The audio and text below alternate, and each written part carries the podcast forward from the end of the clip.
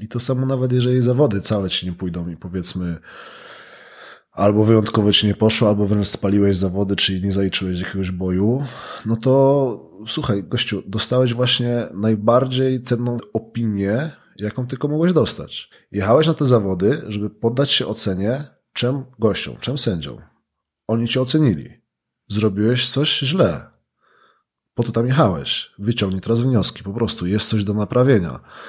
Cześć, ja nazywam się Dawid Straszak i mam przyjemność gościć Was w 40. odcinku podcastu Charyzmatyczne, który powstaje po to, by udowodnić, że charyzmy można się nauczyć, ponieważ mitem jest to, że trzeba się z nią urodzić. A gośćmi dzisiejszego odcinka są Paweł Jurant-Jurczyński oraz Rafał Brzyt-Ziewiecki, z którymi będę rozmawiał na temat tego, w jaki sposób osiągnąć mentalność siłacza. Pogadamy o tym, dlaczego dyscyplina bije na głowę motywację w osiąganiu mistrzostwa, co różni sportowców, którzy odnoszą sukcesy od tych, którym idzie trochę gorzej, oraz o tym, w jaki sposób podnieść się po porażce w zawodach. Paweł i Rafał to trenerzy trójboju siłowego, którzy prowadzą sekcję stacjonarną we Wrocławiu oraz zawodników online. Jest ich około setka, którzy reprezentują poziom od początkujących po ekstremalnie zaawansowanych. Chłopaki jeżdżą po całej Polsce organizując szkolenia z trójboju siłowego. Są twórcami marki Pod Sztangą, bardzo poczytnej strony internetowej z merytorycznymi artykułami, kanału na YouTubie oraz podcastu. Chłopaki mają ogromny dystans do siebie, a ich poczucie humoru rozbroi każdego. Mimo, że tematyka podcastu jest bardzo sportowa, to znajdziecie w tym odcinku dużo wskazówek, które można wykorzystać w codziennym, ale też w biznesowym życiu.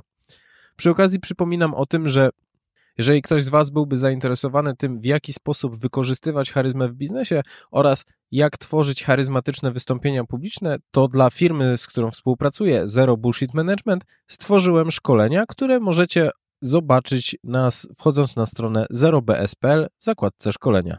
No i tyle. Zapraszam Was do tego, żebyście wysłuchali, czym Paweł i Rafał się ze mną podzielili. Miłego podcastu.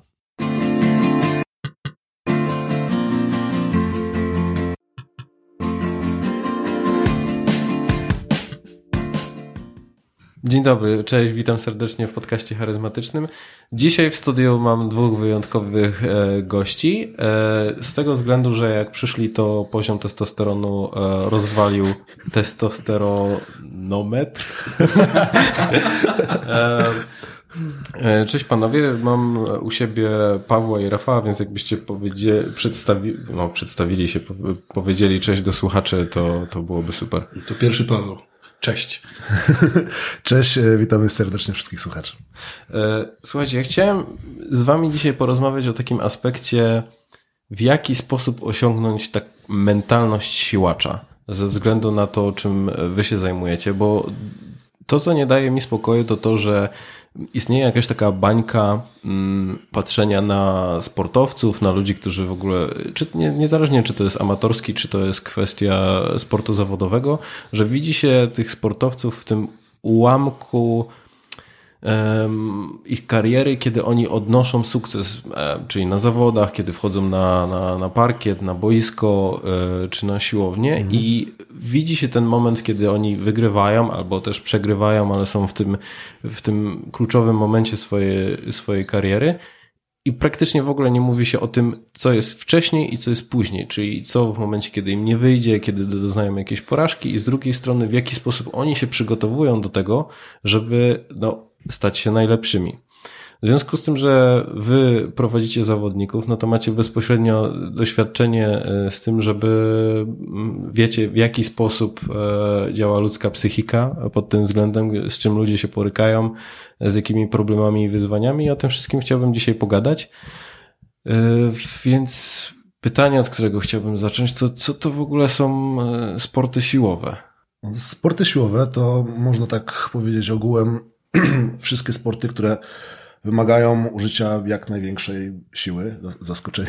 Okay. E, czyli możemy tu powiedzieć e, trójbój siłowy, w którym my się właśnie specjalizujemy. E, podnoszenie ciężarów, czyli dwubój olimpijski. A to e, możesz rozwinąć od razu, bo to jest też, wiesz, enigmatyczne. Trójbój mocno. siłowy, czyli właśnie to, w czym my się zajmujemy, to są, chodzi o to, żeby wykonać trzy różne boje. Przysiad, wyciskanie leżąc i martwy ciąg, dokładnie w tej kolejności. W każdym z tych bojów masz trzy podejścia i sumowane są e, najwyższe, czyli najcięższe podejścia, jakie wykonasz. E, jeżeli tam oczywiście zaliczysz, odpowiednio sędziowie to będą oceniać. I później e, suma tych trzech najwyższych podejść jest, no, jest sumowana i to daje ci tak zwany total. Mhm. Później się mierzysz tym totalem z innymi zawodnikami. Okej. Okay. A dwóbój? Dwubój to jest zarzut i rwanie. Tak, mhm. u nas są dyscypliny, my jesteśmy dyscyplinami, dyscypliną, która ma konkurencję znacznie bardziej statyczne. I chyba też z tego względu u nas y, możesz zauważyć, że y, ludzie bardziej zaawansowani wiekiem również są a, aktywni fizycznie, gdzie no, bardziej chodzi o siła. Siła nie, siła nie musi być, nie jest taka związana z mobilnością. W dwuboju, czyli drwanie zarzut są dosyć mocno też związane z gibkością. No, no ja wiadomo, jak im jesteśmy bardziej zaawansowani wiekiem. Z porzutem sobie. Podrzutem, tak. No, bo nas zjedzą później. Tak, clean and jerk. Tak. Mhm. No bardziej jest związany, prawda, z gibkością, którą chyba jako pierwszą cechę tracimy wraz z wiekiem, nie? No i można by do tego dodać jeszcze oczywiście strongman, ale strongman nie jest, bo to co wymieniliśmy trójbój i dwubój jest stricte związane po prostu z sztangami, nie? Wykonujemy te rzeczy na sztangach, no, strongmanka też wiąże się bardzo ze sztangami, ale oni dźwigają przeróżne rzeczy w przeróżnych konfiguracjach. Nie jest, to, nie jest to dyscyplina statyczna, również chodzą z tymi ciężarami. Przeciągają liny, rzucają rzeczami. Dokładnie. No. Wszystko. No zresztą wszyscy oglądali Pudzianowskiego, chyba to wiedzą. Mm. Tak, przecież jeszcze na Polsacie były jego prawda, występy. Chyba możemy do sportów siłowych zaliczyć też crossfit w jakimś tam aspekcie. No, no właśnie miałem was pytać, bo często też pojawia się u was e, na, na portalach społecznościowych, chyba zdecydowanie na Instagramie, że wy gdzieś tam na halach crossfitowych jesteście. Mhm. Bo najłatwiej jest znaleźć duże hale, po prostu crossfit jest teraz bardzo popularny, dzięki Reebokowi głównie. No i myślę, że trójbój też po części zawdzięcza to, że jest tak popularny, w dużej części zawdzięcza crossfitowi właśnie. No, no, ludzie za, zainteresowali się z, z crossfitu, zaczęli się rozglądać za innymi alternatywami.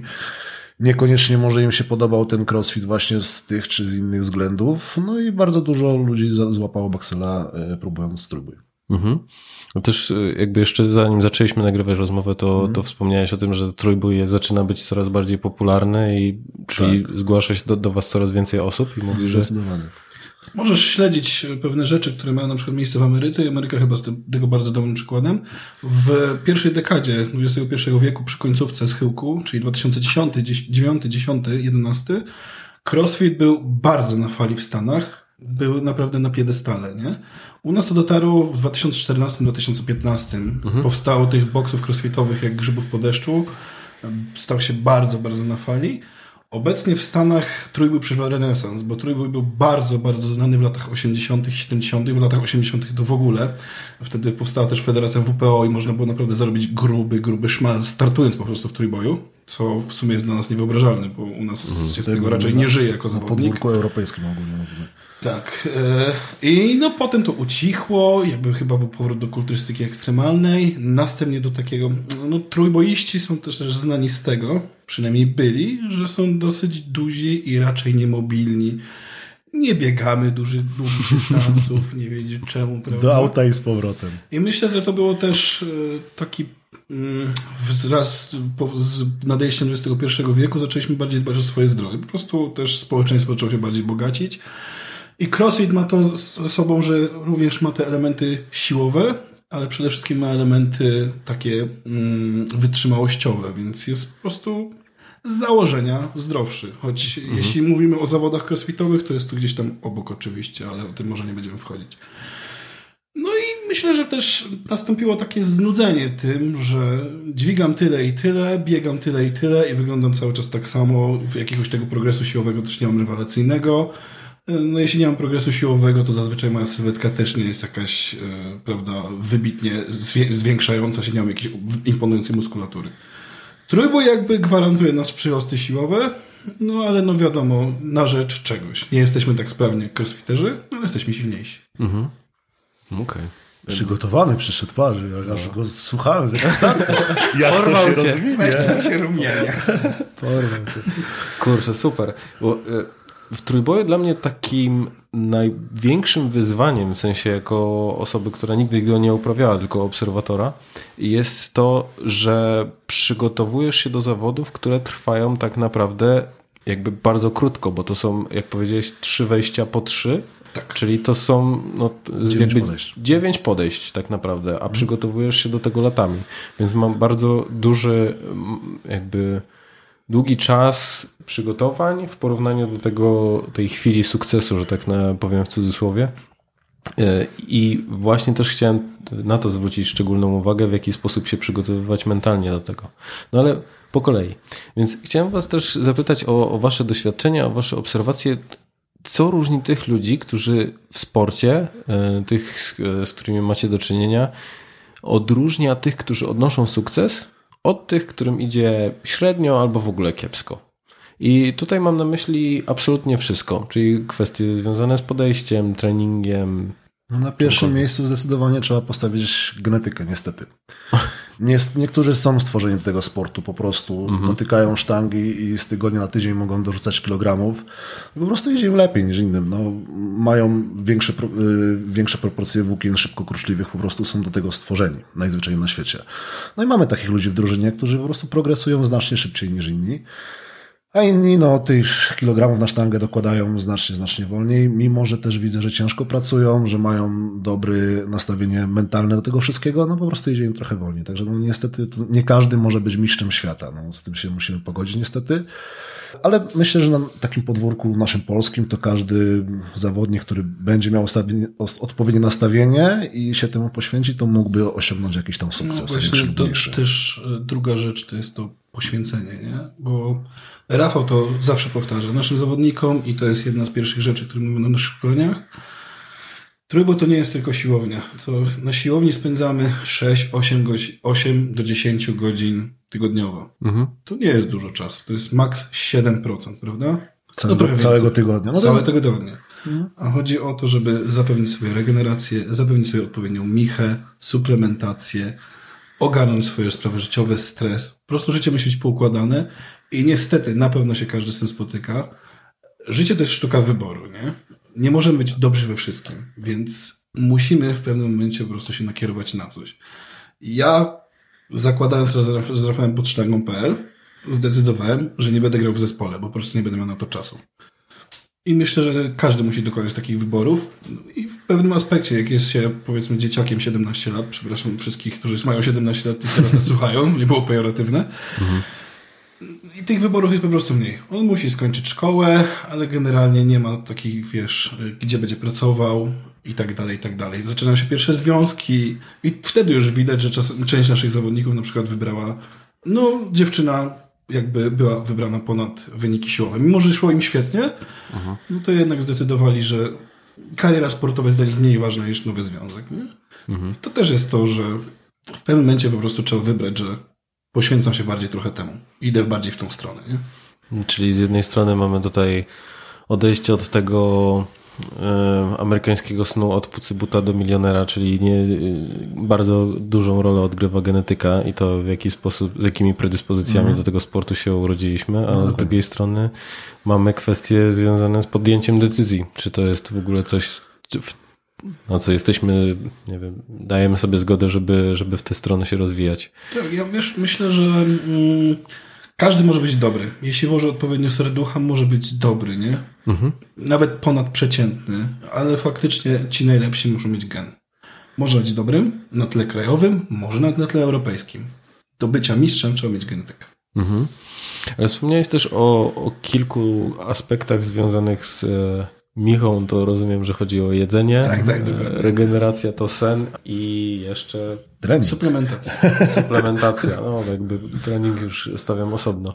Czy macie tutaj jakieś e, rady albo obserwacje na to, jak, jak te rzeczy za, e, o te rzeczy zadbać, żeby, e, no, żeby dbać o najlepsze wyniki? No to jest taki problem, że ludzie, zwłaszcza w tych czasach, niestety szukają drogi na skróty. I mimo, że wszyscy chcą wspaniałej, wspaniałych suplementów, jakiegoś remedium na wszystko, no to zazwyczaj klęczą u nich podstawy. I po prostu śpij te 8 do 10 godzin, nawet jeżeli musisz, to weź sobie, zrób sobie dżemkę w ciągu dnia, pij dużo, jedz zdrowo. Koniec. Tutaj nie ma żadnych magicznych środków, e, mimo że na pewno młodsi słuchacze by chcieli usłyszeć, że słuchajcie, teraz wam powiem, ale nie mówcie nikomu.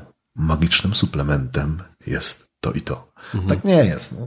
Z działających suplementów, tych, których są powiedzmy legalnie na, na, na rynku polskim, wink, wink, e, no to tutaj mamy co? Kreatynę, minerały, suplementy, kofeina, betalaninę i jakieś takie naprawdę bardzo proste rzeczy e, i nie ma co kombinować w jakieś nie wiadomo e, jak drogie amerykańskie odżywki, bo to naj, najczęściej ściema po prostu się wyda kasę na głupoty, a równie dobrze można by w tym momencie zainwestować w lepsze żarcie, kupić sobie naprawdę garść dobrych orzechów woskich i w perspektywie dłuższej, dłuższego czasu ostatecznie lepiej się na tym wyjdzie. Ja, kolejną rzeczą, którą też mówimy na, na szkoleniach, to, to nie jest wyścig. Znaczy, to nie, to nie jest, może inaczej, to jest maraton, a nie sprint. Można dojść, być szybko w miarę silnym, ale tu chodzi o to, żeby być długo bardzo silnym. Czyli... Się, bardzo dobrym przykładem jest jeden z najlepszych trójboistów na świecie. Przepraszam, ci się Jasne. Czyli Ed Cohen. Ed Cohen nie zakładał, że za rok już będzie mistrzem świata. Nie? Ed Cohen założył, że jeśli on będzie progresował 40 kg na rok, i to nie jest wybitny progres. Mamy trzy boje, czyli dokładasz w ciągu roku powiedzmy 15 kg na przysiad, 15 kg na martwy ciąg i 10 kg na ławkę. To nie jest dużo. To nie jest dużo. Ale jeśli on założy, że będzie progresował 40 kg na rok i zrobi to, nie będzie się psuł, będzie cały czas dokładał, będzie się dbał, to za 7 lat zostanie mistrzem świata. I on to zrobił. I mhm. naprawdę nie miał jakichś wybitnych progresów, ale progresował stale. Z naszego polskiego podwórka gościem, który dokładnie tak samo robi, jest e, Grzesik Mateusz. To jest człowiek, jak ja jeszcze startowałem e, przed moim wypadkiem, o, o tym to może później, e, to ja pamiętam, że byliśmy zbliżeni wynikami, nie? Obecnie Mateusz jeździ na Mistrzostwa Europy i Świata i zajmuje bardzo dobre lokaty, ale cały czas ten progres był stały. Robiliśmy mniej więcej po 750 kg. Obecnie Mateusz zbliża się do 900. Cały hmm. czas progresuje. Czyli tu możemy powiedzieć też o kolejnej rzeczy, czyli dyscyplina, jaką no, najlepsi zawodnicy muszą się cechować zdecydowanie. Bo jeżeli mówimy o takich zawodnikach, którzy rzeczywiście jeżdżą na zawody rangi y, europejskiej czy światowej, to ja myślę, że u większości z nich nie mówimy już, że ich coś motywuje do, do robienia tego sportu. Oni są po prostu zdyscyplinowani. Ten sport jest częścią ich życia. To jest droga, którą oni wybrali i oni nie potrzebują czegoś takiego, żeby, nie wiem, odpalić sobie jakieś motywacyjne wideo przed pójściem na trening. Oni mhm. po prostu idą. Oni idą i to robią. Nieważne, czy się czują dobrze, czy są podziębieni, czy niewyspani. Idą, robią ten trening. Kropka. Tak są już nauczeni i, i no jak to Jocko Winnick, nie wiem, czy kojarzysz gościa, po takie podcasty robił, on zawsze mówił discipline is freedom. Mhm. To mi się bardzo podoba, bo rzeczywiście, jeżeli sobie ułożysz jakoś to życie, będziesz podążał za tą rutyną, to wtedy naprawdę możesz sobie zorganizować dzień tak, że będziesz miał czas na to, na co naprawdę chcesz mieć. Mhm. Ale to zakładacie też, e, że trzeba mieć jakby wyznaczony cel, do którego trzeba dążyć tutaj? W sensie, czy tutaj też pojawia się pewnie w jaki sposób wasza rola jako, jako osoby prowadzące? No chcesz żeby... być najlepszy. Myślę, że to jest jedyny cel, jaki można sobie Po prostu. Mówię naprawdę, chcesz być najlepszy, e, no może niekoniecznie na świecie, ale najlepszą wersją siebie samego.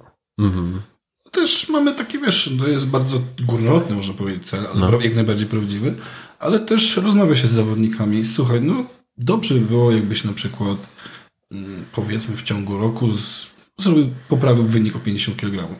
I dwie, albo taką naprawdę realną cyfrę, nie? Osiągnij na przykład Wstałeś teraz 230 na tych zawodach, przygotowujemy się za pół roku. Będziemy robić ćwiartkę. Dokładnie. Nie? I to jest 20 kg. To jest coś, wiesz, mhm. bardzo w zasięgu ręki tak naprawdę, nie?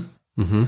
Jak rozmawiam z ludźmi tak naprawdę z różnych dziedzin, czy to właśnie biznesu, czy też nawet tak o, o życiu prywatnym, to większość by mówi dokładnie to samo co wy, czyli o tych, mam na myśli tych, którzy odnieśli jakiś sukces, że to kwestia odpowiedniego zaprogramowania tego, w jaki sposób ma, ma się podchodzić do, do danych działań, czyli ta dyscyplina, mm.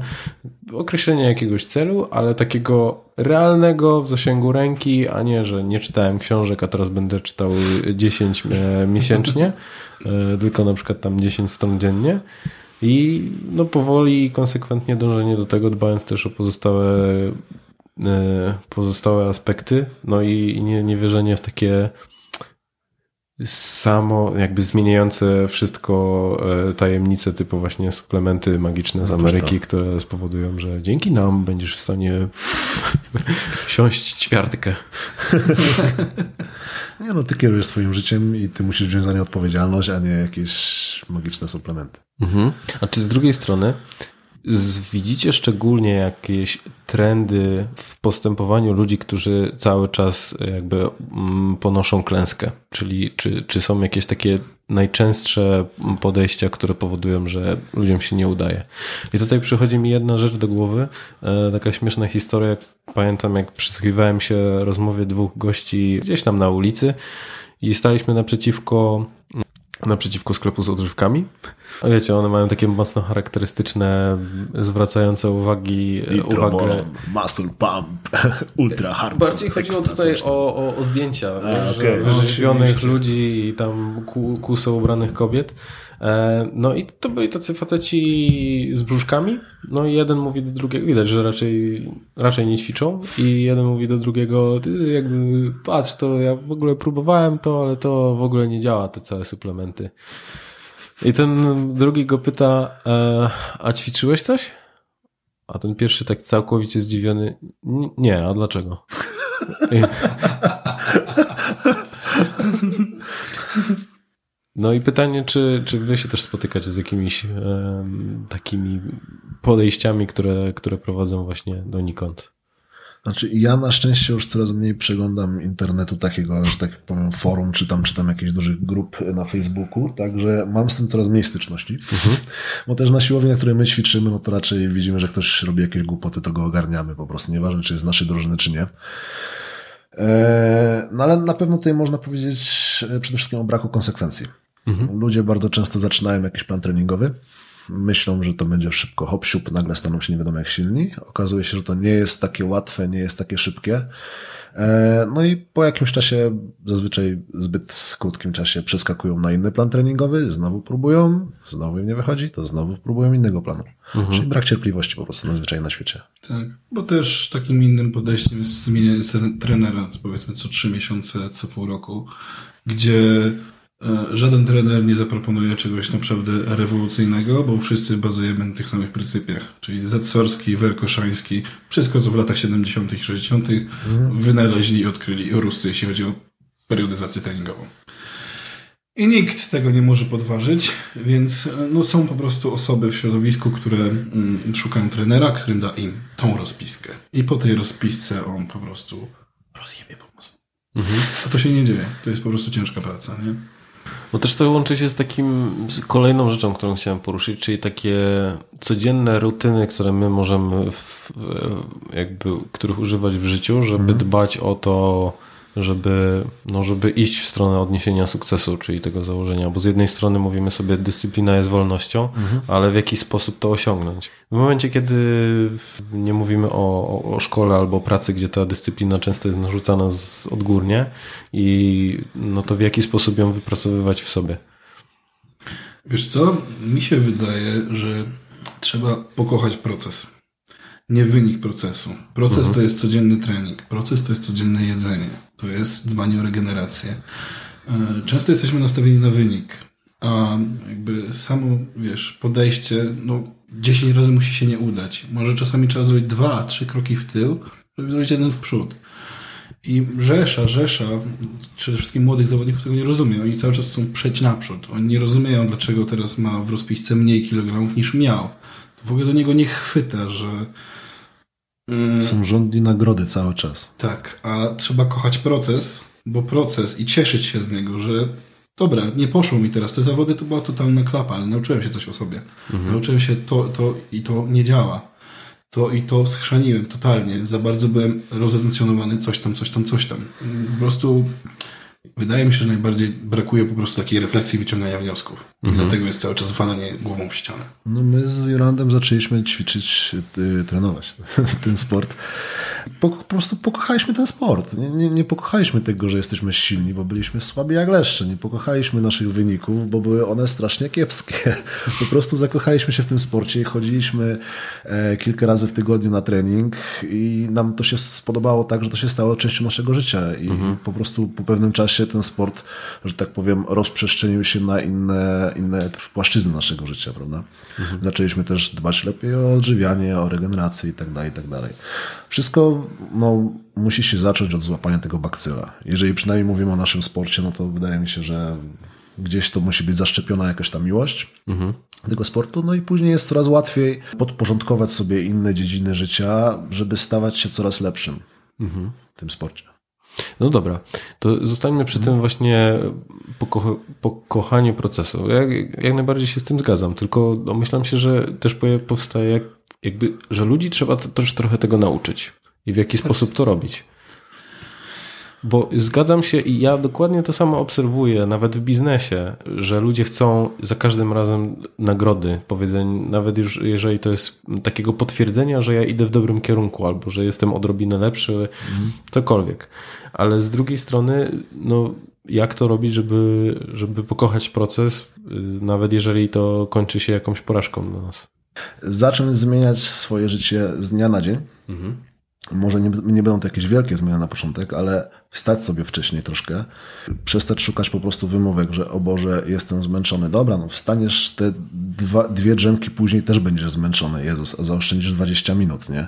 Czyli przestań być po prostu miękką pipą i zrób to, co masz zrobić. Wstań po prostu z tego łóżka, idź umyj zęby. Wow, zyskałeś nagle 20 minut dnia. Możesz sobie coś z tym zrobić, prawda? Możesz sobie zrobić lepsze śniadanie, a możesz sobie siąść po prostu i zamiast od razu lecieć do roboty na e, złamanym karku, to, to siąść i nie wiem, pooglądać 20 minut Netflixa czy cokolwiek z rana i już twój dzień wygląda po prostu inaczej w tym momencie, na mniejszym stresie. Czyli po prostu wdrażaj na początku niewielkie te zmiany, ale wdrażaj je twardo i nie szukaj wymówek żadnych, że Jezus, nie chce mi się. Nikomu się nie chce na początku. No przecież to jest trzeba zmusić swoje ciało do czegoś, do czego nie jest przyzwyczajone. No my byśmy wszyscy najchętniej leżeli, pachnieli, albo może śmierdzieli chipsami, może bardziej w tą stronę, nie? Bo siedzielibyśmy sobie na kanapie przy piwku i oglądali Netflixa. No mhm. wiadomo, to jest najprzyjemniejsze, nie?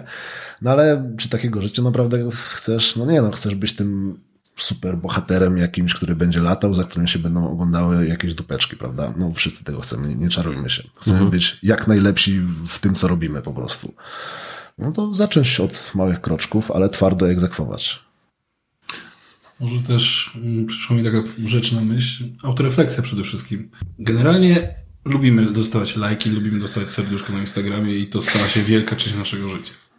I mamy taką tendencję do chłostania się, jak coś nie pójdzie, bo mhm. zostanie nam to zabrane. Jeśli nie wrzucę siadu 300 kg, bo mi nie poszło do 300 kg, to się od razu chłostam, że tego nie zrobiłem. Mhm. I nie mam w sobie tej autorefleksji, że ale następnym razem zrobię, tylko się chłoszczę jeszcze bardziej i dążę, i dążę do takiego samozniszczenia, że muszę to zrobić za wszelką cenę, jak mm. nie, to mhm. jestem siebie nie wart. Tak nie powinno wyglądać. Należy dążyć do samopoprawy, do jakiejś samopoprawy oczywiście, nie? Ale nie za wszelką cenę, nie za cenę właśnie takiego zdrowia psychicznego. Mhm. No, no nie, nie spojrzałem na to, że nawet social media mogą wywierać na nas tą presję Straszne. tego, że muszę właśnie... W naszej branży człowieku Jezus, na tak? Fit branża jest tak spaczoną, e, brudną, niefajną branżą. Brudną ze względu takiego, że po prostu kleisz się z takiej lepkiej słodkości na siłę, wiesz o co chodzi? Mhm. Te wszystkie panienki wymuskane, e, z z wypiętymi tyłkami, kolesie nażelowani, którzy ci pokazują, że możesz to zrobić, jeżeli się uwierzysz, a wbijają tonę sterydów w siebie i ściemniają, że nie jest tak. Fit branża jest po prostu zakłamaną, bardzo niefajną branżą i szczerze mówiąc, gdyby trójbój tego nie należał, to bym się jak najdalej odciął od tej fit branży, naprawdę. No ale niestety jest to jakaś tam część mojego życia. Wiem trochę o czym mówicie, bo ja sam tego doświadczam w momencie, kiedy jestem na siłowni, to czasami aż dziwnie na to patrzeć w momencie, kiedy ludzie mają przerwę pomiędzy seriami i mm. wszyscy są wlepioni w telefony i myślę sobie, że kurczę, jakby przypominam sobie, jakby sport zawsze był w moim życiu i w momencie, kiedy pojawiały się jakieś zajęcia zorganizowane, to pamiętam, że za chwilę rozproszeń płaciło się karę w postaci pompek, biegów no, dookoła. No, za, za śniadanie za telefon są 50 burpeesów jest na treningu. U was? Tak. Okej. Okay. No to nie, nie wziąłbym ze sobą już w ogóle. No i na sprawę u nas na siłowni prawie w ogóle luster nie ma. Też, no, my nie ćwi, nigdy nie ćwiczymy na jakichś e, wielkich siłowniach, tylko Mhm. bardziej e, mniejszych, nie takich komercyjnych siłkach, można rzeczywiście trenować, a nie robić sy- syfiaczki. Dobra, i dochodzimy już do zawodów. Jakie są najczęściej obawy ze strony ludzi, którzy startują w zawodach? E, Tak to się nazywa? Zawody? Zawody trójbojowe? Mistrzostwa Polski, Puchar Polski. No, zawody. Jak Okej, najbardziej. zawody, dobra. E, Jakie się po, po, pojawiają najczęściej obawy ze strony, e, ze strony waszych zawodników? Ja- myślę, że tutaj można podzielić te obawy na te, które się, które się znajdują u dwóch osób. U osoby początkującej i osoby jakieś troszkę bardziej zaawansowane. Zdecydowanie. Osoba początkująca najczęściej e, boi się tego, co inni o mnie pomyślą, czy nie jestem za słaby, jak zostanę odebrany, co jak się ośmieszę i tak dalej, i tak dalej. Bardzo się przyjmują tym, jak je od- odbierze otoczenie. Bardzo. Mamy niesamowity przykład. E, Jeden z naszych najmłodszych zawodników miał bardzo takie obawy, jak to będzie. Ile jak miał lat? E, 15 wtedy. Okej. Jak, co się stanie, jak mu nie pójdzie, nie? I zabawiłem się z nim w taką psychologiczną grę i spytałem go, Karol, startowałeś na zawodach, prawda? Po, powiedz mi, ilu swoich przeciwników zapamiętałeś? Ile ich podejść zapamiętałeś? No prawie nikt. Prawie nikogo. I teraz ustaw się w ich roli. Myślisz, że oni ciebie zapamiętali? I taka bardzo brutalna prawda, przyjeżdżam do siebie. I większość poza twoją drużyną, twoim trenerem, Będziesz miał gdzieś po prostu. tak, będziecie miał w dupie. Będziesz dla nich tłem. Mhm. I Karol zrobił takie... I następny start już był naprawdę dużo lepszy, był spokojniejszy. Jeżeli nie zrobisz albo jakiejś naprawdę spektakularnej klęski, i na nasza zawodniczka, jak się y, straciła przytomność ze sztangą, ale to wszyscy po prostu zapamiętali i że za, za ducha walki to naprawdę ma taki no to szacunek. chyba że pozytywnie. Jak najbardziej. Bardzo, nie? bardzo, bo to, Jak było, najbardziej. bo to było podejście pod rekord Polski w ogóle w Taką ciągu. glebę zaliczyła piękną. Wyciągnęła. Wiktorię Grzywę musimy pozdrowić. z Tak, tego pozdrawiam. I Wika zablokowała już ten ciąg, no ale po prostu ją odcięło. I przytomność. prawdopodobnie jakbyś wywaliła się do przodu, to by zaliczyła to podejście. Niestety Bo to było zgodne z zasadami. Okej. No, jeżeli nie, także nie, nie zaliczysz jakiejś spektakular- spektakularnej klęski albo nie zrobisz czegoś naprawdę niesamowitego, w sensie jakiegoś wyniku nie wykręcisz, to ludzie cię będą mieli w dupie po prostu. Najlepiej na świecie. No, tak brutalnie mówiąc, ale tak to wygląda, nie? Okej. To u tych mniej doświadczonych, a u tych bardziej doświadczonych? To już zależy od zawodnika. Niestety, no, znowu wracamy do tego zależy, nie?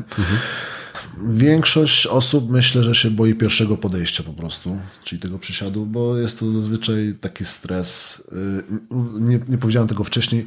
Musisz zaliczyć przynajmniej jedno podejście z każdego boju, żebyś miał zaliczone zawody, prawda? Czyli nie możesz zrobić czegoś takiego, że spalisz trzy przysiady i później będziesz kontynuował zawody, niestety.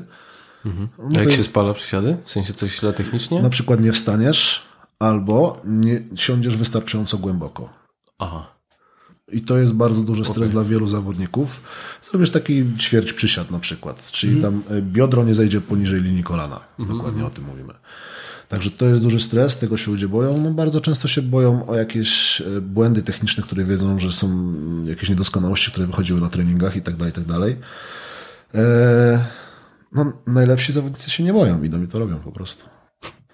Coś w tym jest, wiesz? E, No, każdy każdy się boi, ale stres może być budulcem, a może być też takim czymś absolutnie niszczącym.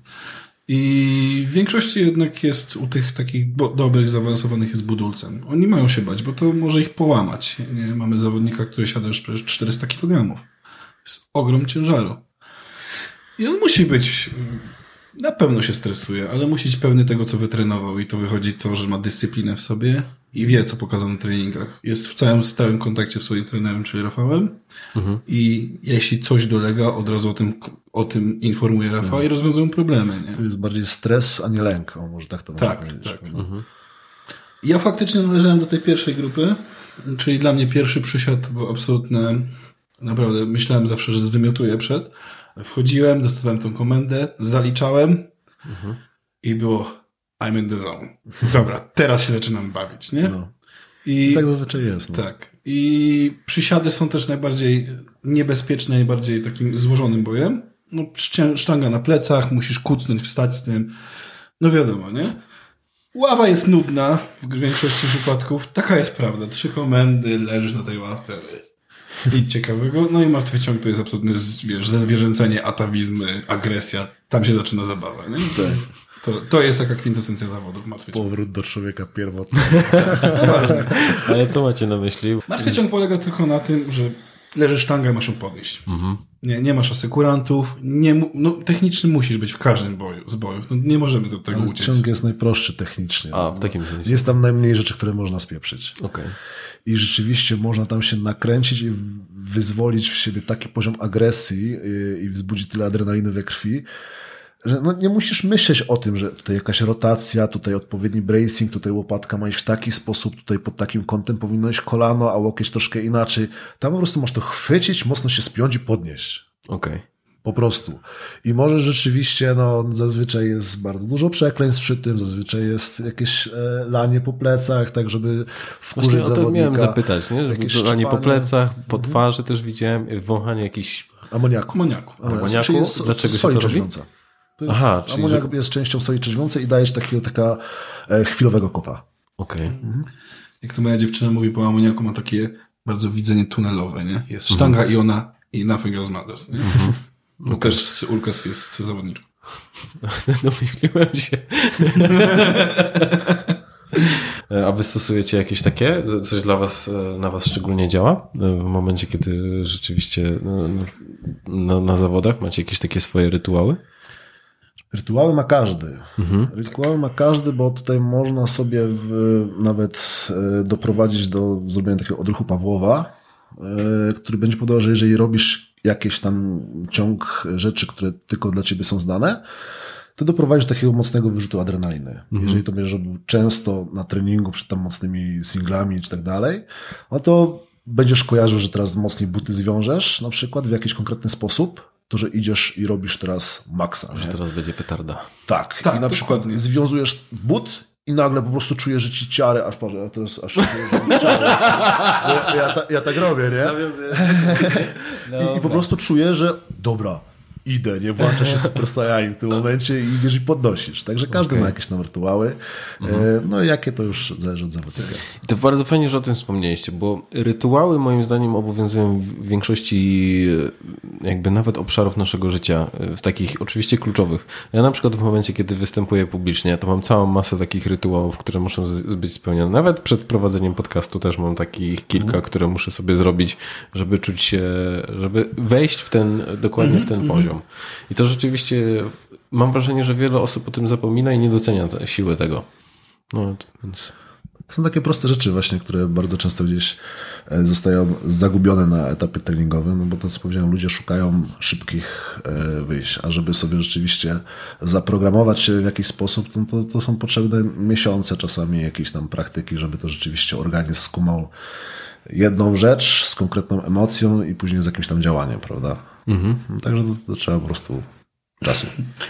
nie za bardzo się to nadaje do publikacji, ale mam bardzo dobrego kumpla, który przed naprawdę ciężkimi podejściami chodził, poprawiał cały czas okulary i mówił gówno, gówno. I chodził. I potem wiesz, wybitny koleś, bo ważąc 82 kg wciągnął 300, więc Okej. w ogóle petarda, nie? Ale z tego go kojarzyłem. I po prostu trzeba było go zostawić w spokoju, nie biło się go w ogóle, nie dotykało i tylko Krzysiek Gówno. No I jeszcze z tymi okularami to zawsze na każdym filmie, jaki można z nim obejrzeć, to jest właśnie to, że e, przewra Krzysiek wchodzi na pomost to jest i wiadomo, że on to zrobi. Super. No dobra, a co w momencie, kiedy, kiedy nie wychodzi? Kiedy e, właśnie spalamy, czyli technicznie nie, nie wykonujemy, albo załóżmy, że czy spalenie to też jest w momencie, kiedy po prostu się nie podniesie tego Tak, zamierzonego tak, też się tak to, Okej. te, w terminologii nazywa.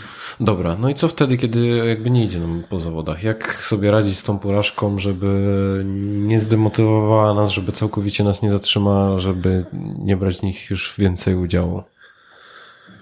No, trzeba dać zawodnikowi czas na przetrawienie przede wszystkim tego, żeby, że tak powiem, się oswoił z tymi emocjami. Nie można, broń Boże, mówić mu, słuchaj, spokojnie nic się nie stało. Każdemu się zdarza. Każdemu się, no, każdemu się zdarzy. Jest najgorsze. Nie? No, no, najgorsze, żeby u, uniżyć tej, temu, co się rzeczywiście stało, bo dla niego to jest tragedia po prostu. On jechał, a nie daj Boże, to są pierwsze zawody, o matko, i mówi, że spoko, będą następne, nie? Co go to obchodzi? No on właśnie jest, z niego się świat zawalił, także broń Boże, nie można czegoś takiego powiedzieć, tylko słuchaj, okej, okay, stało się, przemyśl to sobie, jak będziesz chciał o tym pogadać, dawaj znać, nie? Mhm. I, I prawda jest taka, że każdy gdzieś sam w sobie musi to przeżyć w jakiś sposób, poradzić sobie, przetrawić te emocje. E, no i na pewno można tam jakoś mu pomóc, aczkolwiek zdecydowana większość, moim zdaniem, to zależy od zawodnika, jak on sobie z tym poradzi. E, jeżeli się strasznie podłamie tym, to najczęściej po prostu nie ma głowy, żeby w sporcie się bawić się w sport. Mhm. No niestety ten sport się będzie składał z pas porażek i sukcesów. Nie zawsze, nie zawsze się wygrywa.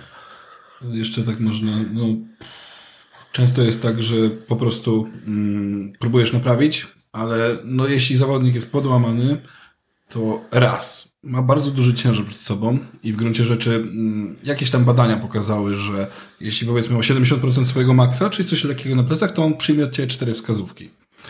Idąc wyżej, trzy i jedąc jeszcze wyżej dwie.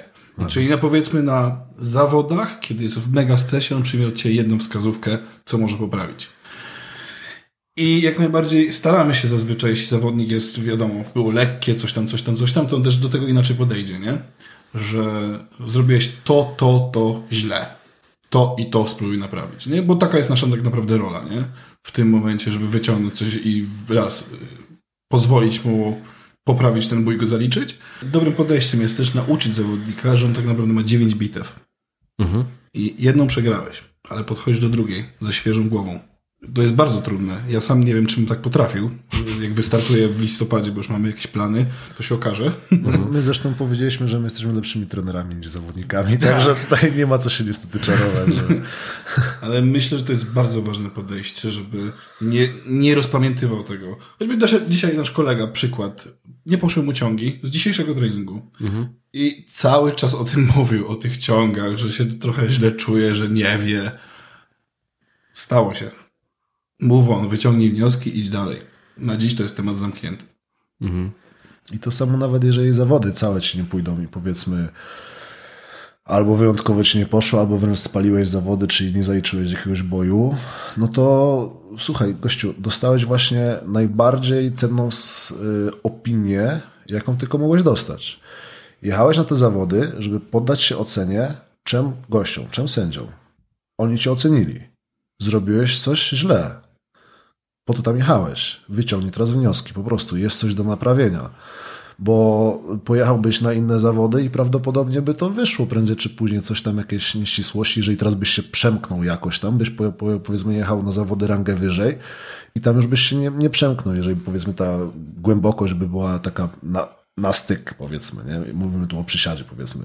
Jeżeli oni ci spalili, to znaczy, że siadasz za płytko wyciągnij z tego wnioski teraz, bo to jest bardzo cenna wskazówka, którą powinieneś wykorzystać e, następnie w, w treningu po prostu. Mhm. Czyli jechać nie po to, żeby wygrywać, czy robić maksymalne wyniki, tylko żeby dowiedzieć się, co można ewentualnie znaczy, poprawić. Znaczy, nie, nie, jedziesz, żeby wygrać.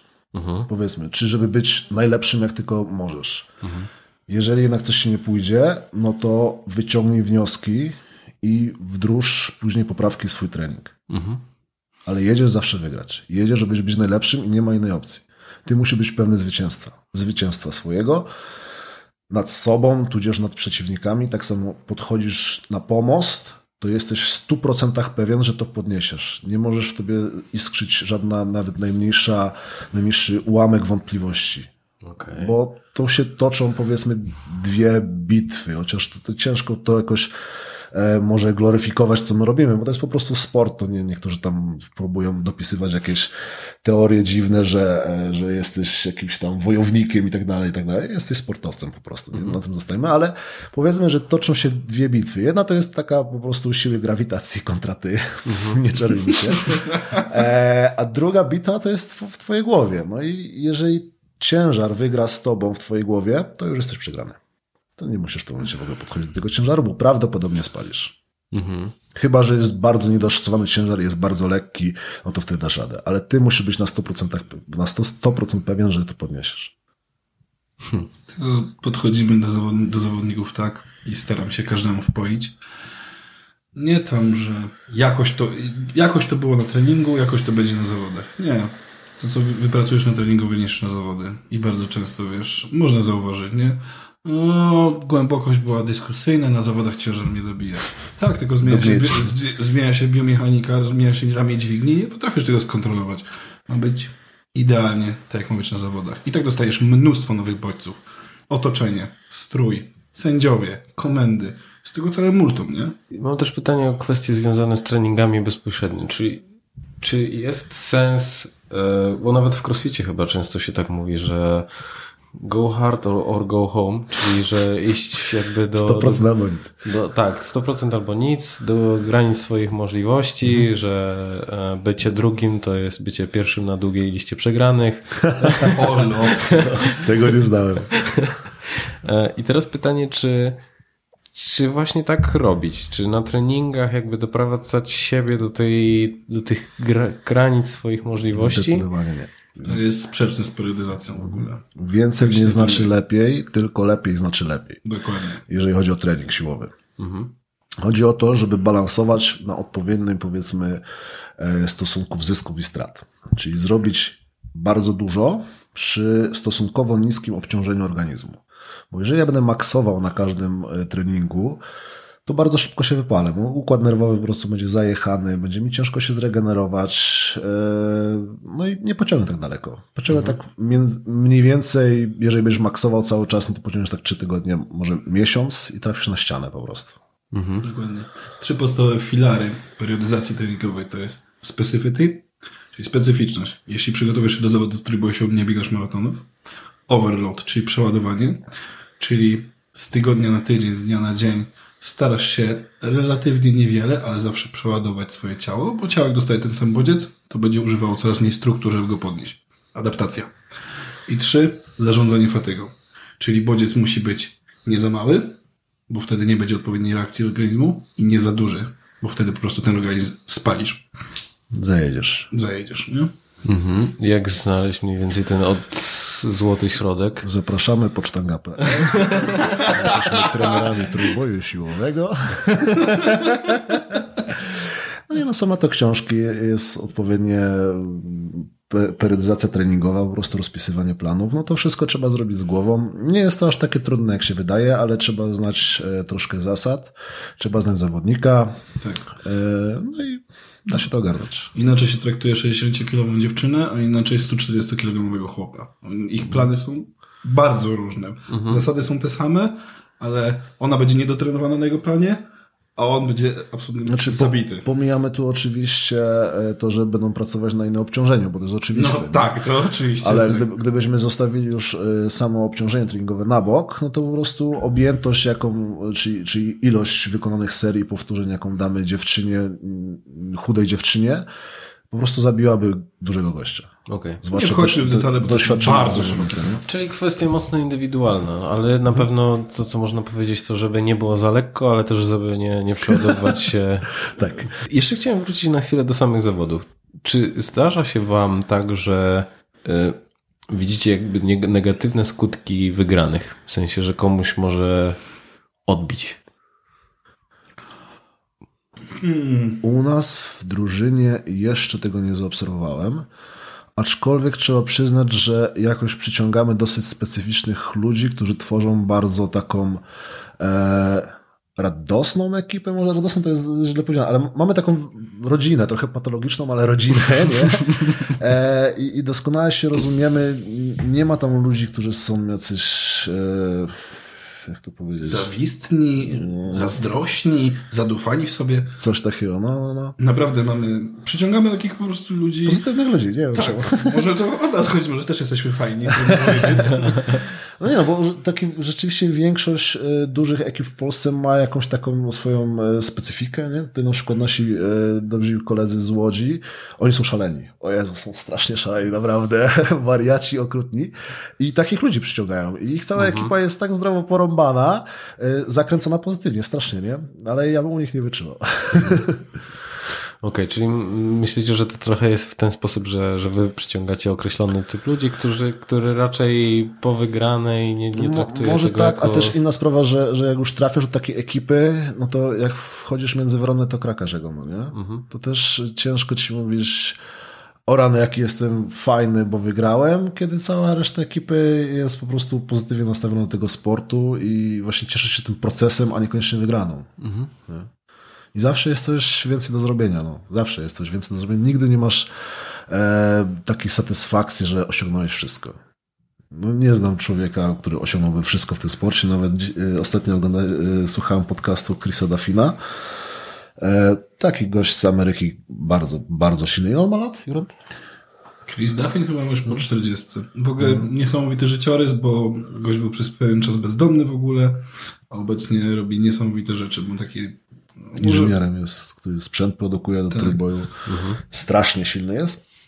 I on dalej mówi, że on jeszcze nie osiągnął ideału. Jest bardzo daleki do osiągnięcia ideału. Kilkanaście, kilkadziesiąt lat, on tam 20-30 lat już ćwiczy, trenuje trójbój i mówi, że zawsze jest więcej, zawsze może być lepszy. Ja po trenuję trójbój, nie wiem, 15, 14 lat i ja cały czas odkrywam coś nowego jeszcze, że o Jezu, to ja się tak mogę dopiąć. Wow, jak nagle jest zupełnie inaczej, nie? To jest niesamowite. To jakieś nowe ćwiczenia odkrywam, które angażuje mnie w inny sposób, trochę grupy mięśniowe. Nagle przysiad mój inaczej wygląda i aż mózg rozjewany po prostu. Nie? A wydawałoby się, że 15 lat to jest całkiem długo, prawda? A tu się okazuje, że no, jesteśmy, nie wiem, początkującymi po takim czasie. Mhm. Chciałem was też podpytać o takie triki motywacyjne. Może podam przykład, który ja stosuję, mm. czyli w momencie, kiedy ja kończę jakiś trening, to zakończam to takim najbardziej albo, albo najbardziej satysfakcjonującym ćwiczeniem, albo czymś zrobionym poprawnie technicznie, żebym kończył z tą myślą, ale było fajnie. I to mnie się bardzo dobrze sprawdza, bo w momencie, kiedy idę na, jakby zapamiętuję trening z tym poziomem satysfakcji z siebie, albo że coś właśnie wyszło mi w samym treningu, no i z drugiej strony, jak mi się totalnie nie chce, to puszczam sobie ten motywacyjny filmik. I na mnie to działa. I to jest takie, no dobra, no dobra, pójdę. E, no też... I teraz pytanie do Was. Czy Wy macie coś takiego, co polecacie ludziom w momencie, kiedy im się nie chce, albo kiedy dopada ich właśnie taki zjazd, e, w momencie, kiedy, kiedy tej motywacji po prostu nie ma? No widzisz, to miałeś teraz dobrego gwoździa, bo e, tak jak wcześniej powiedziałem, e, no, zawodnicy troszkę inaczej traktują, nie? Oni mhm. nie potrzebują motywacji, tylko są zdyscyplinowani. Zupełnie inaczej też to wygląda, jak trenujesz w ekipie, bo no, trening w dobrej drużynie to, to jest zupełnie coś innego niż kiedy chodzisz sobie na jakąś komercyjną siłownię albo ćwiczysz samemu. Bo to jest też w jakiś sposób wydarzenie towarzyskie, prawda? Mhm. Ja na dobrą sprawę mam bardzo mało znajomych spoza świata trójboju. No wiadomo, że możesz tam mieć, to zostało określone przez oczywiście amerykańskich naukowców, jakieś tam gro, grono znajomych może mieć chyba 50 takich bliskich znajomych. No, mhm. Jeżeli moja drużyna ma 100 osób, plus, plus moja dziewczyna, mama, tata, no to się już kończy to grono znajomych, prawda? Tak. E, także no bardzo dużo, i się nie, przez to nie spotykasz się po prostu z innymi ludźmi, najczęściej nie mam czasu, także idziesz i, i przeżywasz po prostu ten trening troszkę też inaczej. Nie? Także nie, mhm. rzadko jest coś takiego, że, że nie chcę mi się iść na trening, no bo tam spotykam swoich kumpli po prostu. Pytanie to jest tak bardzo indywidualne. Mhm. Faktycznie dla mnie też tak siłownia stała się takim azylem i myślę, że dla wielu naszych zawodników też. E, ostatnio nasza, nasza znajoma też miała bardzo duże problemy w pracy, no to przyszła po prostu do nas, żeby się z tego wygadać. I może to było też dla niej motywujące, może nie. No, ona nie jest jeszcze na poziomie prozawodniczym w żadnym wypadku, ale po prostu pozwoliłem jej dobra, zrobimy tak, że dzisiaj zrobisz 100 kg w przysiadzie, nie? Jeszcze tego nie zrobiła, jest to przed nią, ale zamontowaliśmy gumę od góry i Marta, pobaw się dzisiaj, to jest dzień dla ciebie, nie?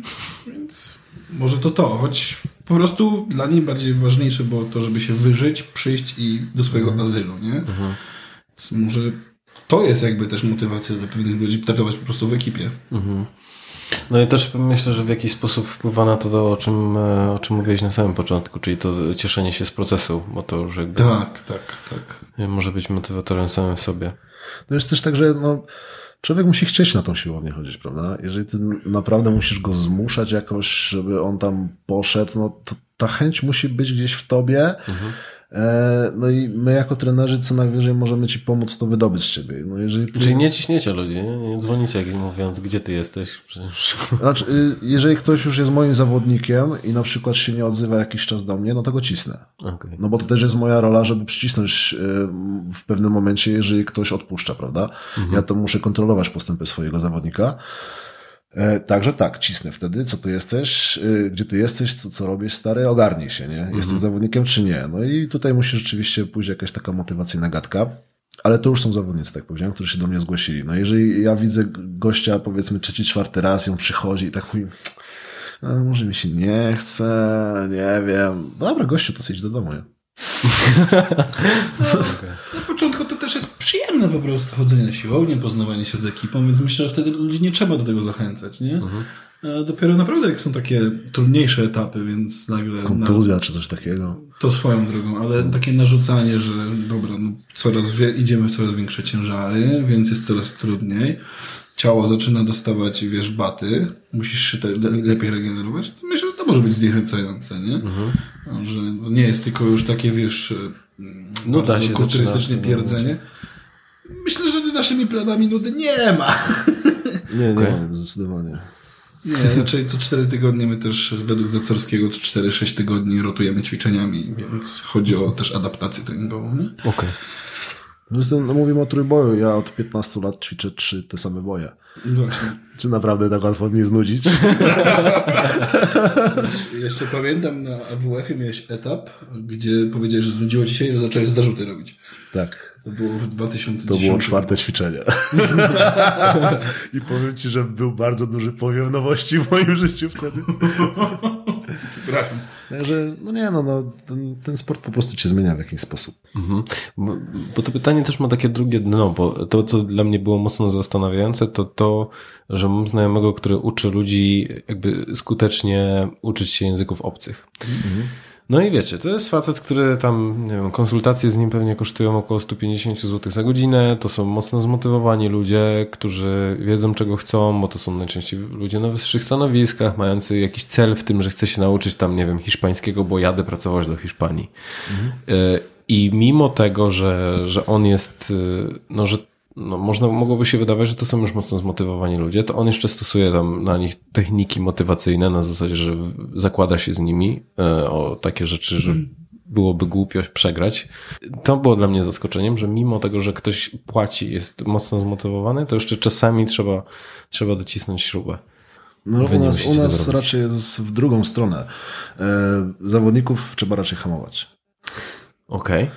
W drugą mm, stronę, bo oni, Ludzie, do nas przychodzą ludzie, którzy uwielbiają ćwiczyć, uwielbiają trenować, uwielbiają się zajechać na siłowni i ich trzeba przystopować, a najgorszą karą dla nich to jest roztrenowanie, czyli takie lżejsze treningi, które raz na jakiś czas trzeba zrobić, żeby dać organizmowi czas do, do, do odpoczęcia po prostu. To mhm. jest kara najgorsza po prostu jak areszt domowy. To jest dla nich przychodzą, tak niechętnie ten trening kręcą się koło tej sztangi.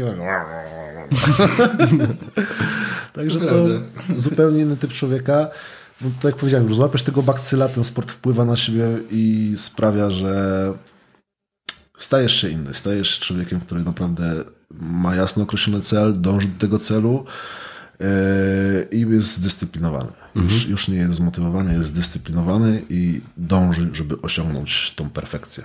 Okej, okay, super. Tak z zupełnie innej beczki, to jesteście chłopami jak dęby.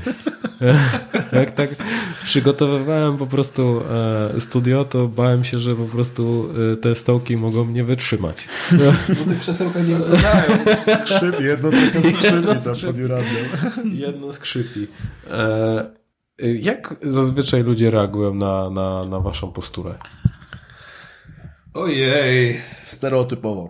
Dosyć mocno, tak. Chodzi mi o to, że jednym z takich, powiedzmy, elementów pracy nad charyzmą jest też e, z angielskiego takie mm, to się nazywa being powerful, czyli takim być człowiekiem mocy. Nie wiem, ciężko to przetłumaczyć na język polski, ale emanującym mocą. I jednym z takich elementów, które, w który łatwy, no w cudzysłowie łatwy sposób wypracować, jest właśnie kwestia związana z postawą i taką atletyczną i mu muskularną postawą. No i dlatego od razu pomyślałem sobie, kurczę, jestem ciekaw, w jaki sposób ludzie na was reagują. Czy rzeczywiście schodzą wam z drogi? E, a jeżeli... tak. tak? Zdarzyło mi się, ja się lubiłem też nosić na łyso kiedyś w przeszłości. Mhm. Zdarzyło mi się, że na mój widok staruszka przeszła na drugą stronę ulicy. na następnych pasach weszła znowu na ten samochód. Okay. Autentycznie. Albo wychodziłem z mojej klatki schodowej, było ciemno, zapaliły się, zapaliły się światła i stały dwie kobiety. I zobaczyły mnie w takim wielkim płaszczu długim, takiego szerokiego, łysego i zrobiły i uciekły do góry. No, zazwyczaj tak to jest, że ludzie reagują trochę strachem. No i stereotypowo pod tym względem, że traktują cię jak głupka trochę, mhm. że no ja doświadczyłem tego swojego czasu w jednym momencie e, robiłem doktorat na Politechnice Wrocławskiej i pracowałem na bramce. No. A my się wtedy poznaliśmy chyba, to, to był tak, ten etap. No, no. Tak, tak, tak, bardzo możliwe, że tam było. No, no i właśnie tutaj się stykałem się z tym z dwóch różnych stron, że na uczelni bardzo często wchodziłem na zajęcia i moi, moi uczniowie tak, tak patrzyli, woźny? Czy ochroniarz, nie? Kim, on jest, nie? Ja czasami sobie też lubię robić jaja i przyszedłem na przykład na pierwsze zajęcia w dresie, nie? I coś okay. tam siedziałem z nimi pod klasą czy coś, także... także Co by, słyszeliście o tym prowadzącym? Były śmieszki, nie? No, no, później oczywiście dostawałem bardzo ambitne ksywki typu koksu. Na przykład. Okay. No ale zazwyczaj ludzie, ludzie tak nie doceniają, powiedzmy, twojej inteligencji w jakiś tam sposób. Na bramce to już w ogóle zazwyczaj debili mnie zwyzywali i tak dalej. Ja tylko tam mhm. się śmiałem pod nosem, bo sobie tam nie będę się z ludźmi kłócił.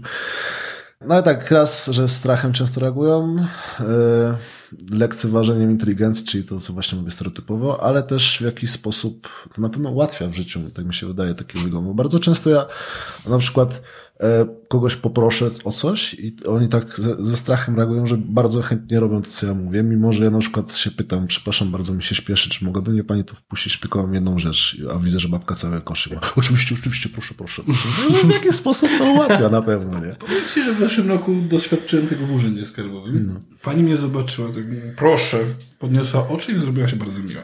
Okej. Okay. No, także no, to jest pewnie głównie no, też atawizm, strach, nie? Chociaż nas, myślę, ludzie poznają tak dalej, no to się to zmienia o 180 stopni, bo jednak mamy trochę do powiedzenia. Potrafimy przeczytać więcej niż jedną książkę w roku. No nie wiem, nie, nie, mogę się wypowiadać za siebie i za Rafała, no bo nie będziemy obiektywni, prawda? Jeżeli ludzie mieliby się, e, mogliby się z czymś do Was zwrócić, to w czym Wy możecie im pomóc i gdzie szukać Was w sieci? Jeżeli ktoś chciał zacząć przygodę z trójbojem, albo szuka mhm. E, po prostu ekipy, żeby się dołączyć do kogoś, kto ma już pojęcie troszkę o tym sporcie, mhm.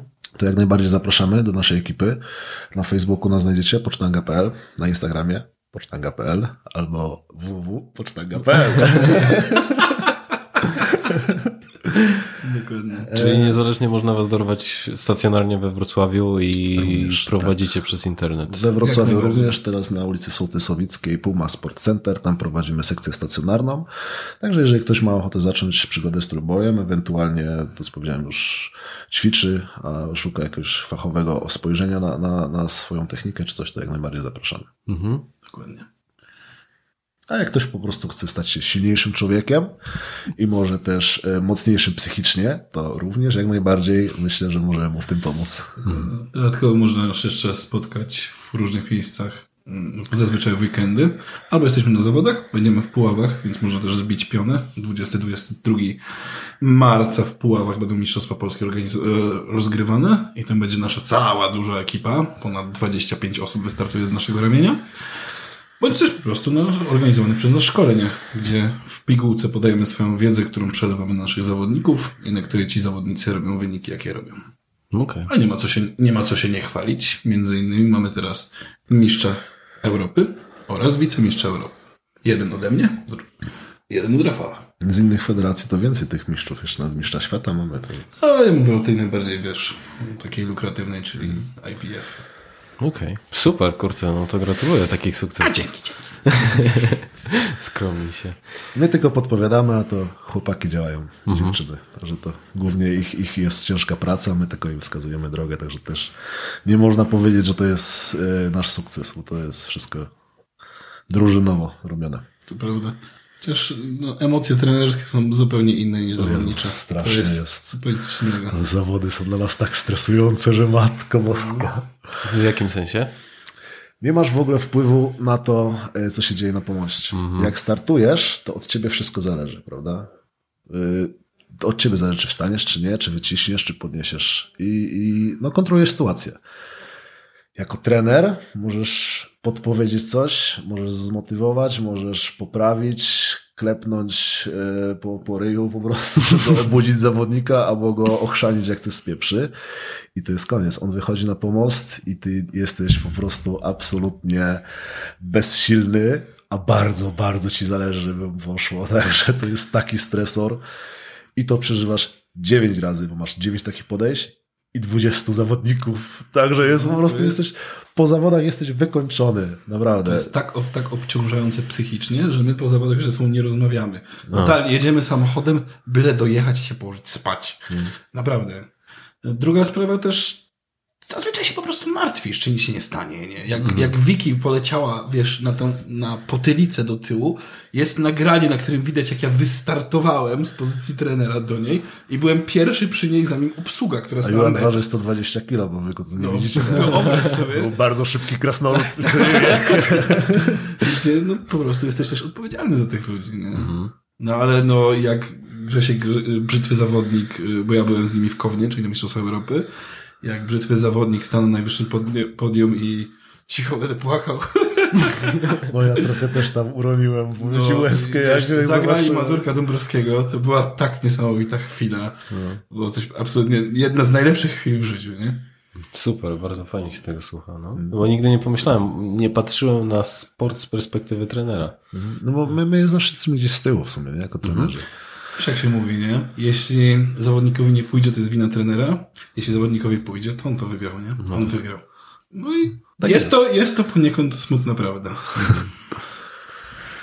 Dobra. I ostatnie pytanie, które zadaję wszystkim swoim gościom, czyli czy co, czym według Was jest charyzma?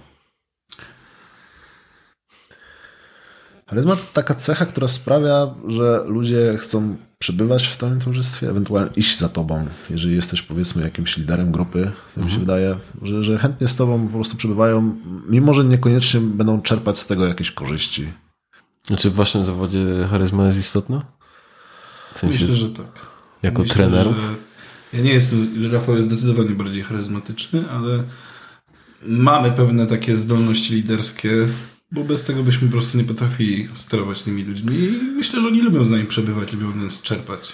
Zwłaszcza, że w tych czasach trzeba się wybić gdzieś tam, prawda? Możesz być bardzo dobrym trenerem e, w Cichoczewie Dolnym, czy, czy w jakiejś tam innej pipidówie i świat o tobie się nie dowie, a musisz jednak w obecnych czasach zabłysnąć gdzieś w tych mediach no i musisz mieć to coś, co sprawi, że ludzie chętnie czy tam będą oglądać, czytać, czy, czy zależy jak działasz w tych mediach.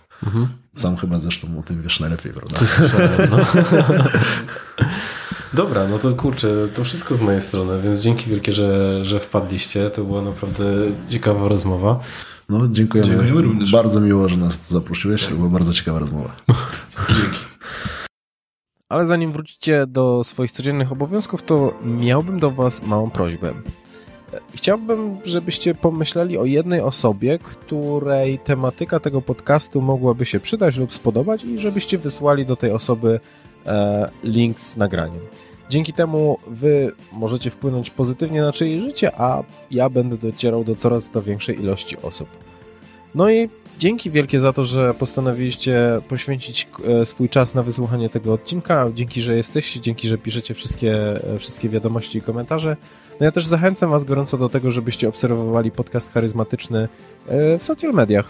Mm, Na Instagramie, na Facebooku czy na LinkedIn. Tam pojawiają się też e, ciekawostki psychologiczne oraz dotyczące charyzmy. No i cóż, dzięki wielkie, że jesteście i słuchacie i do usłyszenia w następnym odcinku.